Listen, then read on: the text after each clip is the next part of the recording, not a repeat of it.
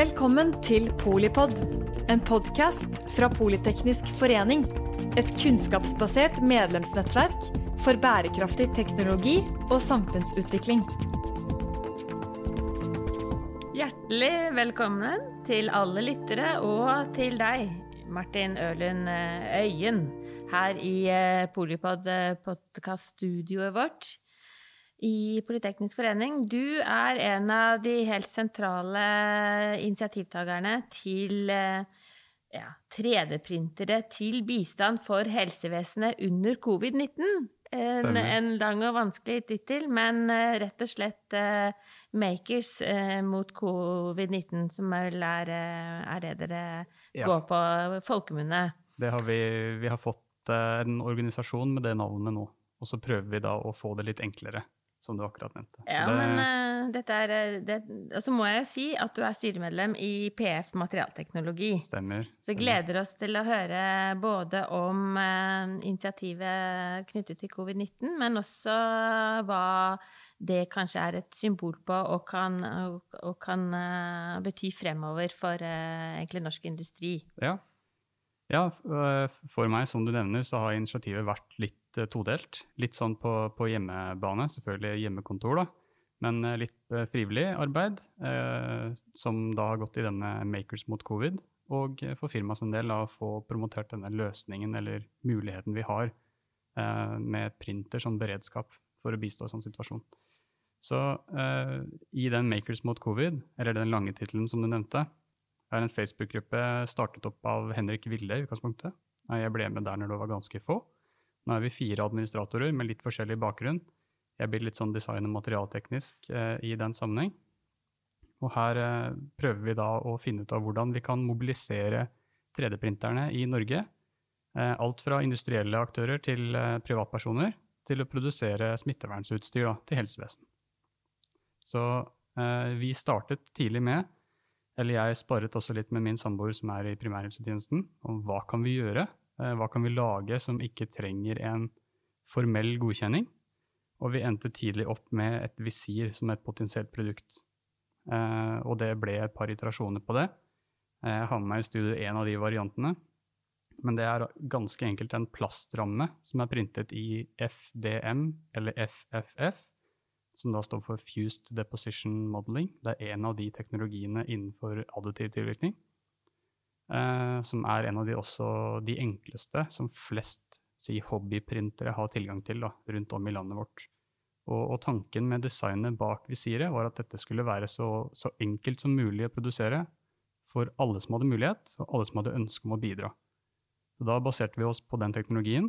Um, og vi baserte også på et A4-ark som selve visiret, og hullmønster laget av en hullmaskin, og så en knappehullstrikk. Og da har vi i utgangspunktet et visir.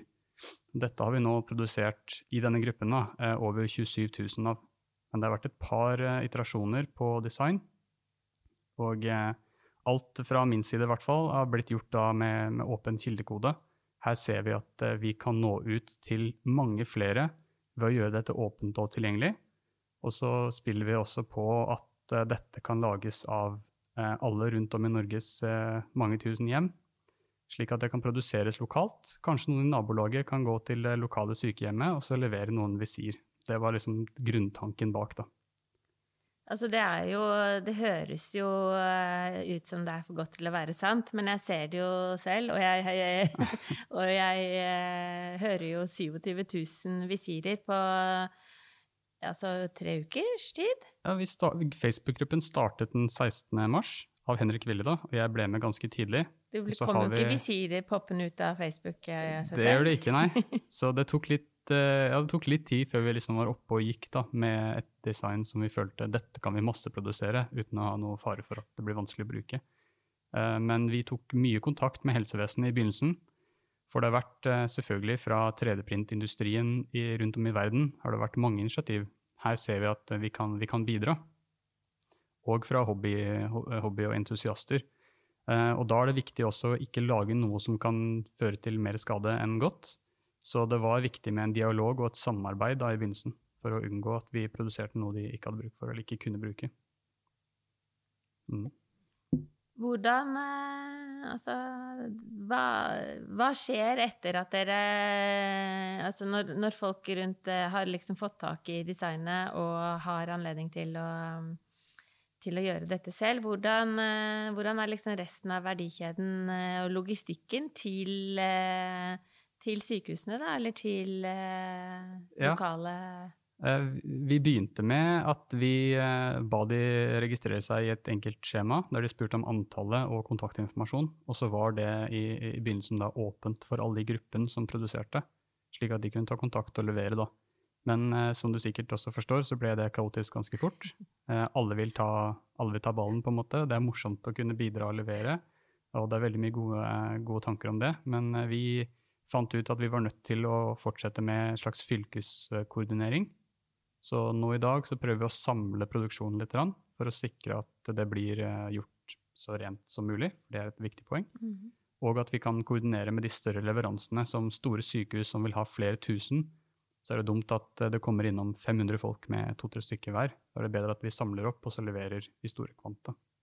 Så det her er Foreløpig har det vært eh, enkeltpersoner som ser behovet i sykehusene også. Vi har ikke noe sentral avtale, selv om vi jobber med det.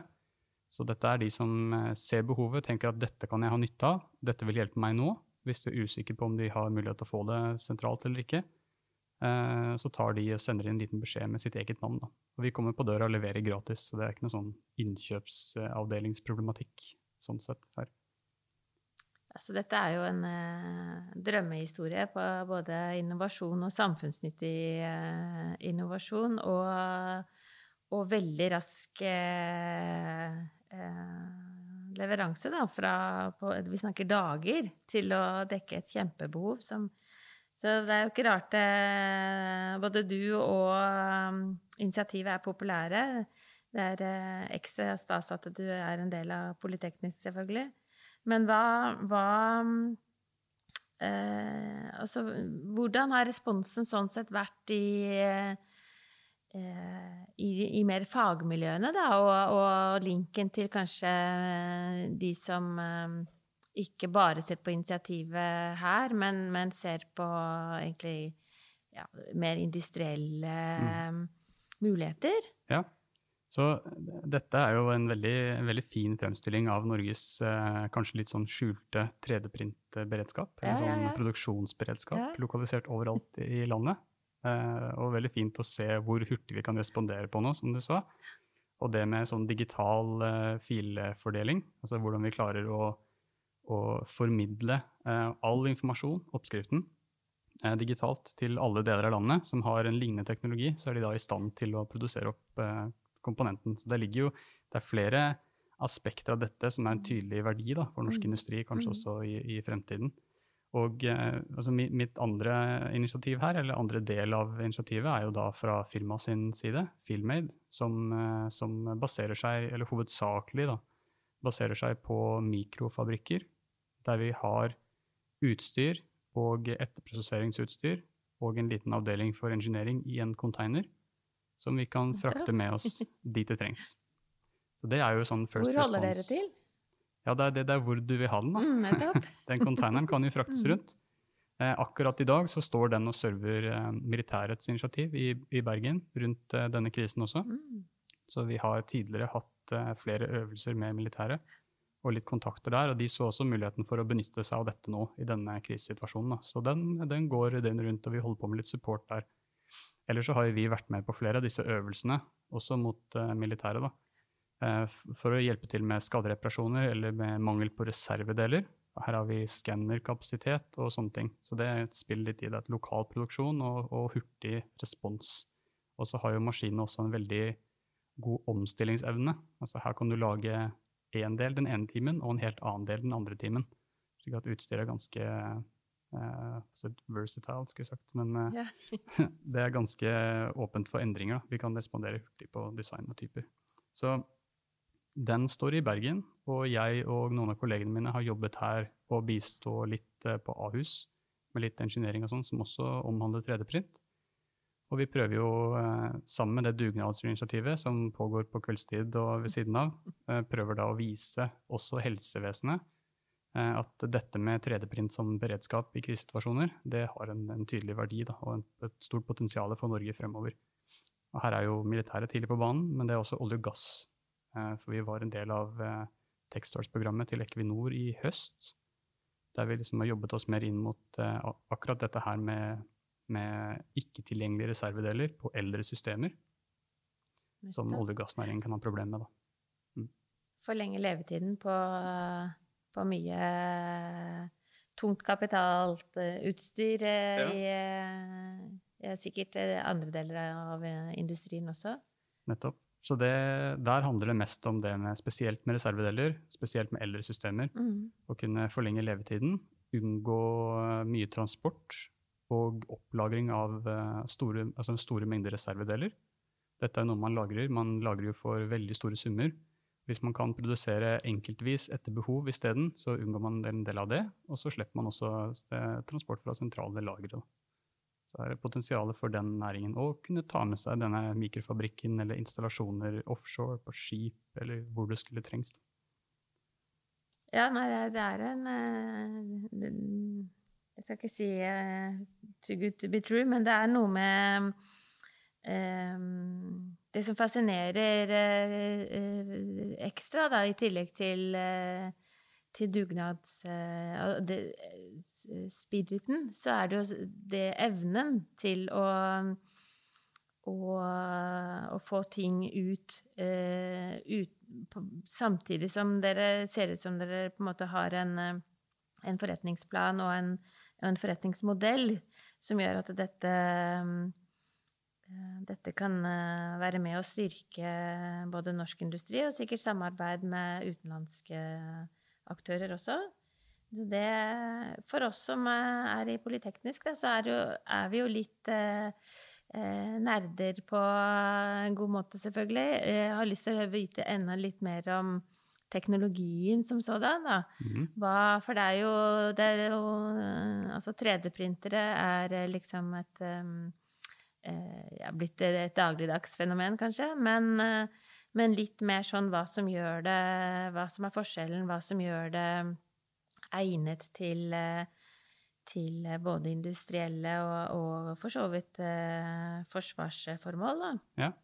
ja det er, jo Litt artig å høre om. Ja, nettopp. Det er jo materialteknisk i aller høyeste grad. Mm. Eh, for her snakker vi om og Vi produserer jo på en måte direkte det er en additiv prosess. Vi, vi, vi tilfører material og energi eh, når vi skaper komponenten, og veldig mye av dette er jo justerbart i, i alle retninger.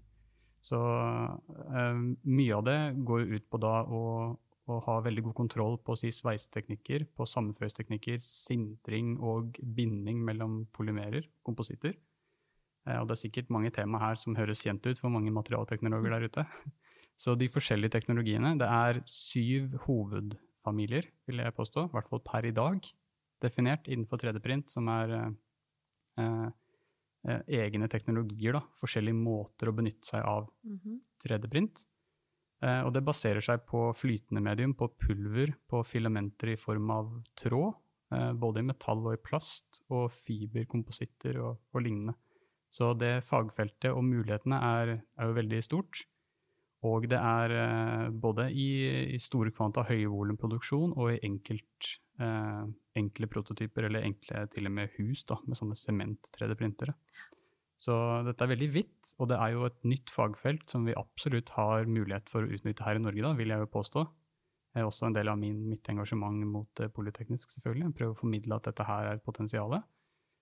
Og så uh, ja, muligheten for, uh, for, alle industrier i Norge å utnytte det som en teknologi. Ikke nødvendigvis investere tungt i det selv, men at vi, vi får opp kompetansen på det mm. her, og at vi kan utnytte det godt. Ja.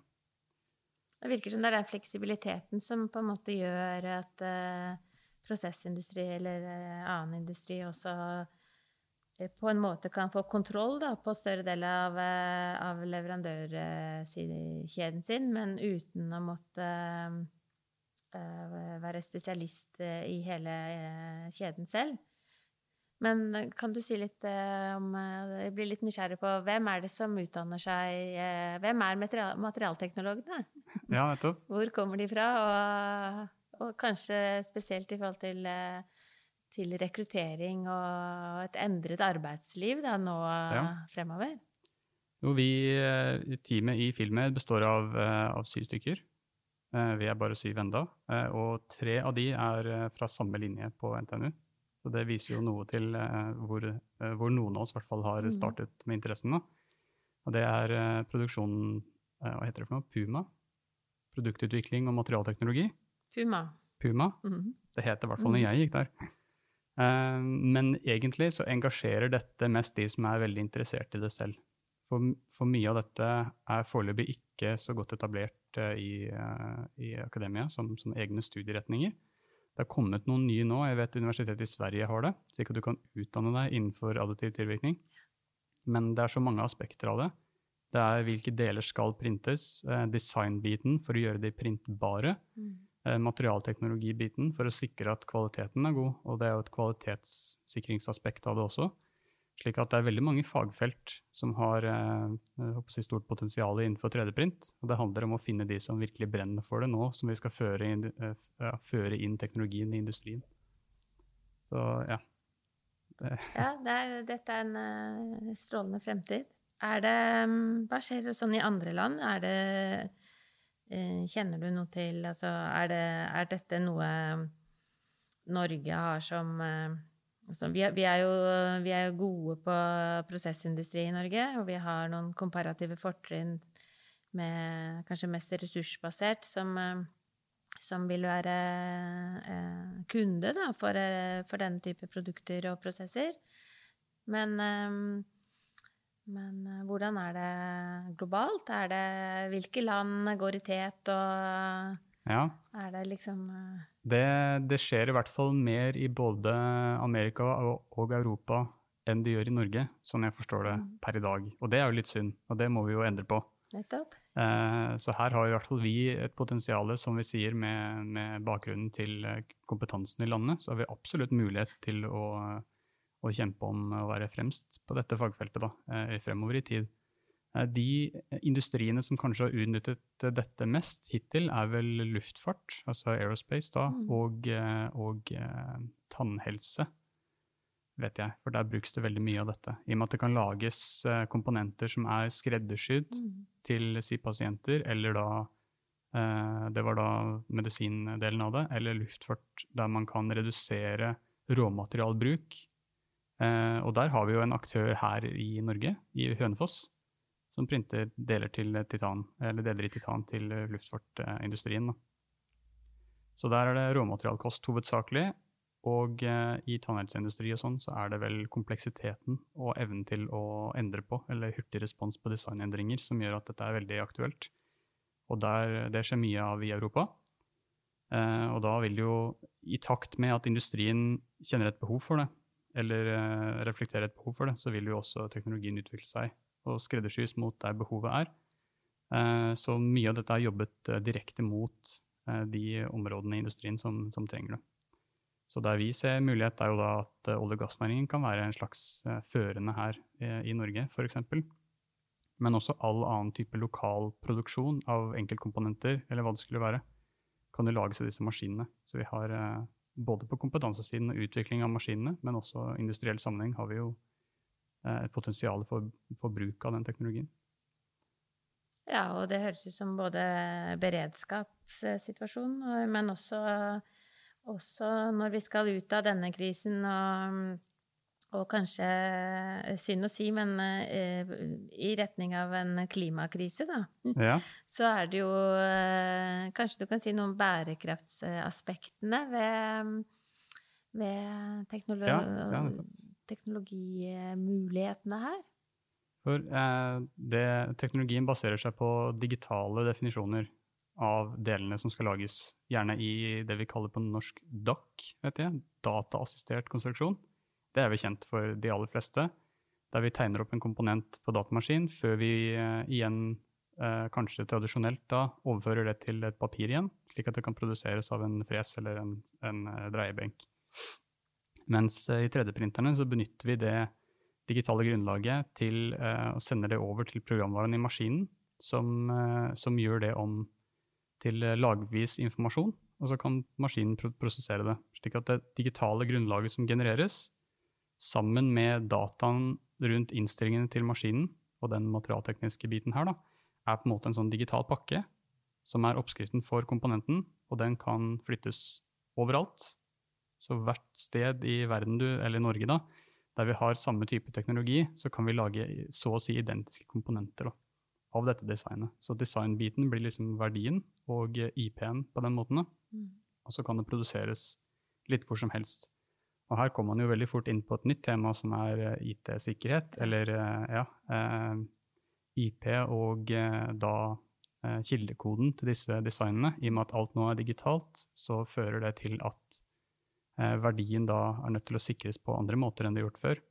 Patenteringer er selvfølgelig en mulighet, men et design som kan tweakes lite grann, f.eks., da har man kanskje mistet den designbiten igjen. Så det med sikker filfordeling, eller altså sikre den, den uh, overføringen av informasjon, blir jo et veldig viktig tema. Og her ser vi også mye interesse fra akademia og fra industrien om at dette er vi nødt til å sikre. For interessen er der for de som har originaldesignene også, si på reservedeler. Mm. Eh, de ønsker ikke nødvendigvis å produsere opp et stort antall med reservedeler hvis de kan unngå det. Uh, og i hvert fall ikke i ettertid, når de da må opp, lage opp igjen disse produksjonsutstyret for å kunne produsere reservedeler. Slik at det er interessant for de også, uh, om de tar en del av kaka, selvfølgelig, da, kan produsere det gjennom 3D-print. Uh, eh, kun det som mm. trengs der det trengs. Men da er jo designet desto viktigere å, å sikre, og så kontrollere hvor mange av disse som lages. Og da er selvfølgelig samarbeid med originaldesign-eier. Så her eh, jobber også Filmade med en, en, sånn plattform for sikker digital filoverføring. Eh, og det blir jo desto viktigere i årene fremover. Men da å kunne sikre at det ikke bare er designdomenet, men også de innstillingene på maskinen, så vet vi at hele oppskriften er bevart. Og at når vi flytter dette over til et annet sted, så må vi kunne kontrollere hvor mange som produseres av det. For å lisensiere ut og, og sånne ting. Da.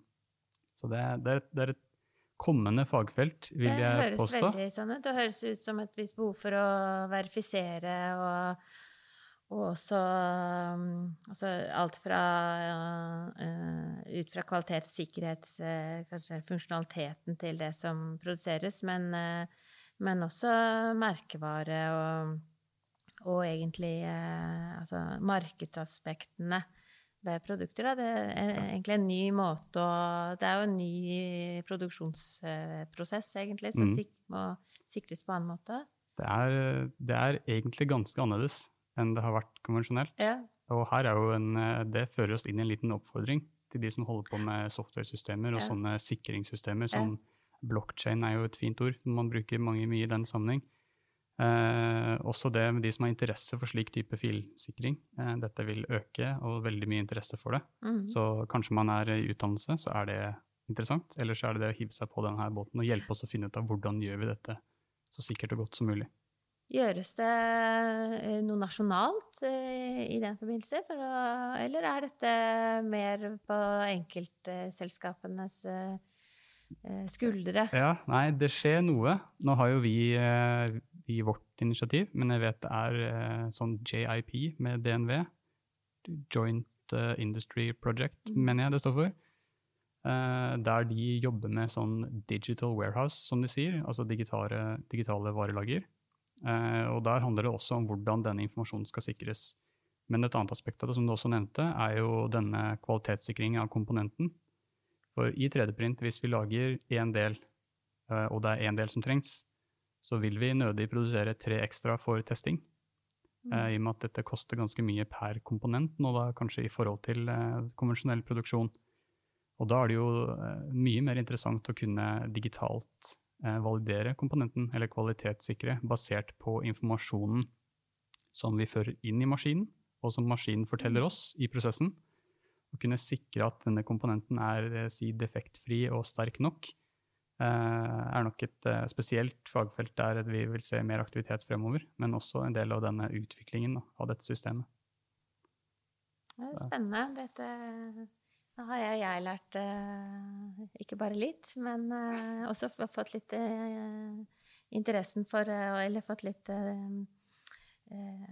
mer innsikt da, om hva hvor, hvor, egentlig komplekst det er. Samtidig som når jeg ser på det du har med, og, spesielt de visirene dere har, har, og er i ferd med å kanskje være en stor leverandør til helsevesenet med, så er det, så er det jo på en måte forbløffende enkelt. Mens, mens videreutviklingen kanskje blir litt mer kompleks da, og vil kreve Det høres ut som det vil kreve samarbeid mellom mange aktører. Eh, og det er jo også kanskje en eh, Det har dere sikkert også gjort dere opp eh, tanker om. Hvordan, jo, ja. hvordan, kan det Enten det skal være et norsk komparativt fortrinn, eller om det eller om rett og slett bare for å, å få litt fart på utviklingen, da. Er det Ja. Så Er det noen bransjeforeninger? Er det, er det noen eh, hvordan, hvordan, eh, foregår liksom innovasjonen og, og, oppskaleringen? Ja, det er jo litt, er et spennende eh, tema. Jeg har ikke helt oversikt, så det er mulig jeg glemmer noe her. Men jeg vet det er sånne sentre, sånne akseleratorer, på en måte, mm. eh, som eh, baserer seg mye på den informasjonsfasen, eh, som er veldig vesentlig for firmaene som skal ut, utnytte dette, er nødt til å ha kjennskap til hva det er i stand til, før de hiver seg i det. Enkelte er nødt til å bli fortalt at vi, her må vi begynne, andre vet det allerede mm. godt fra før at vi må forstå dette selv. Så mye av den jobben jeg gjør i Filmaid, og de andre som jobber med sånne akseleratorer, er å gå rundt og kurse eller å hjelpe til med å vise til potensialet. For vi kan gjøre veldig mye, og det kan virke veldig ubegrensa, men samtidig så er det noen tanker vi må gjøre oss om hva som lønner seg å gjøre med 3D-print. Eh, og eh, hvilke begrensninger de forskjellige teknologiene har. En, den, den, informasjonsfasen er nok fortsatt den fasen siden Norge generelt er i, som vi må jobbe med en stund mm. fremover for å vise til dette her.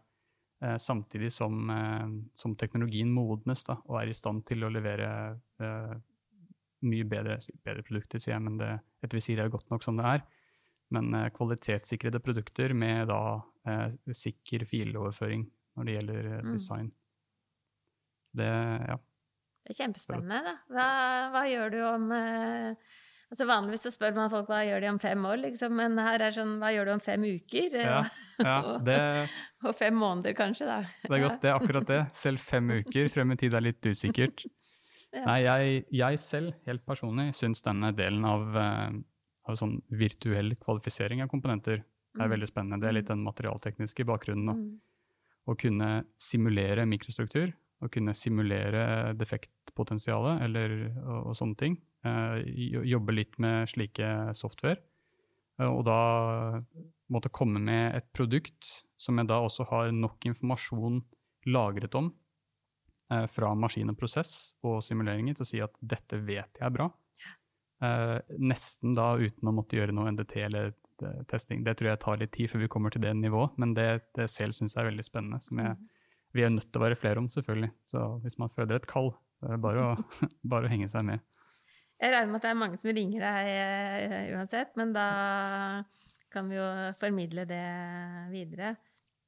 Uh, ja, jeg må Jeg bøyer meg i støvet. Jeg skal få prøve både visir og, og sjekke disse ja, du kan jo si noe om de eh, Vi kan legge ut litt bilder og sånn. Du kan si noe om de to andre produktene du har med også. Ja. Eh, visirene er jo som sagt én ting. Der har vi laget veldig mange, og det er litt mindre sikring eh, på det. Eh, men fortsatt, vi har veldig få ting som har gått galt. Men på andre, andre sider av det, på øvelser og, og spørsmål vi har fått i FeelMade, så er det litt andre komponenter, da spesielt ting som er uventet, ikke altså uforutsett. Og det vi kaller obsolescence, altså ting som ikke er tilgjengelige lenger. Så første komponent du kan ta fram, er en vifte. Den vet jeg, den synes ikke så godt i lyd, men jeg har den med meg her, så vi får ta et bilde av den. Veldig metallisk overflate på den, så vet du hva jeg skal se etter. Eh, det er en vifte til eh, en generator av noe slag til et av anleggene til Equinor, som vi fikk forespørsel om å, å printe. Eh, jeg husker ikke akkurat når, men det er ikke så altfor lenge siden. Og Da var det snakk om en generator som da selvfølgelig ikke kunne operere uten viften. Og den er eldre enn de har serviceavtale på, så de er ikke i stand til å skaffe denne reservedelen. Og produsenten sier at klarer dere å ordne opp i dette selv, på en måte, så, så er det greit. Og alternativet som de kommer med, er å skifte ut hele anlegget med så og så mange dager eller uker nedetid. Eh, og da støpe opp nye fundamenter og sette inn en ny generator, som da fungerer eh, i en ny serviceperiode. Alternativet da, som vi kan tilby, er å eh, få denne viften med oss i en av våre mikrofabrikker, som var lokalisert ganske nært, veldig beleilig akkurat da, eh, og skanne den gamle viften, rekonstruere de områdene som var ødelagt på den, eh, printe denne over natten, coate den og få montert den dagen etterpå. Slik at viften i seg selv er ikke veldig rimelig fra vår prosess, men det, responsen er veldig hurtig. Og vi er i stand til å forlenge levetiden på det systemet og redusere nedetiden til en dag i den sammenhengen. Det er en vesentlig besparelse på flere andre aspekter, og eh, et miljøaspekt som også er veldig interessant for, Mm. for Equinor i den sammenheng. Da.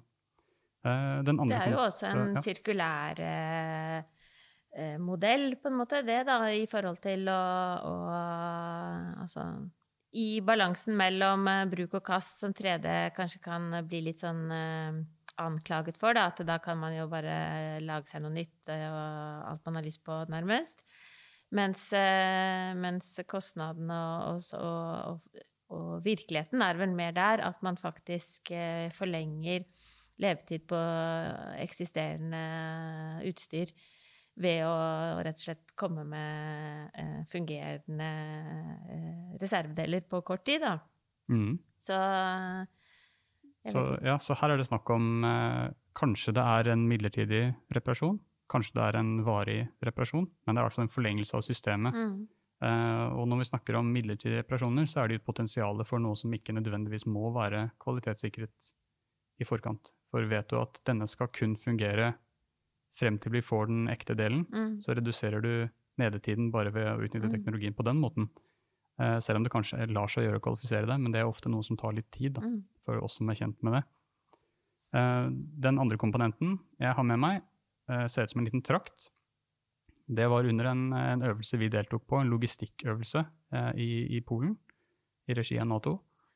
Eh, der det var snakk om at eh, ferskvannsforsyningen, eller forsyningen til alle som deltok i denne eh, løsningen, da skulle det komme altså ett system fra, fra Polen, og så et annet system fra, fra Norge, eller to andre land i Nato, med litt forskjellige standarder.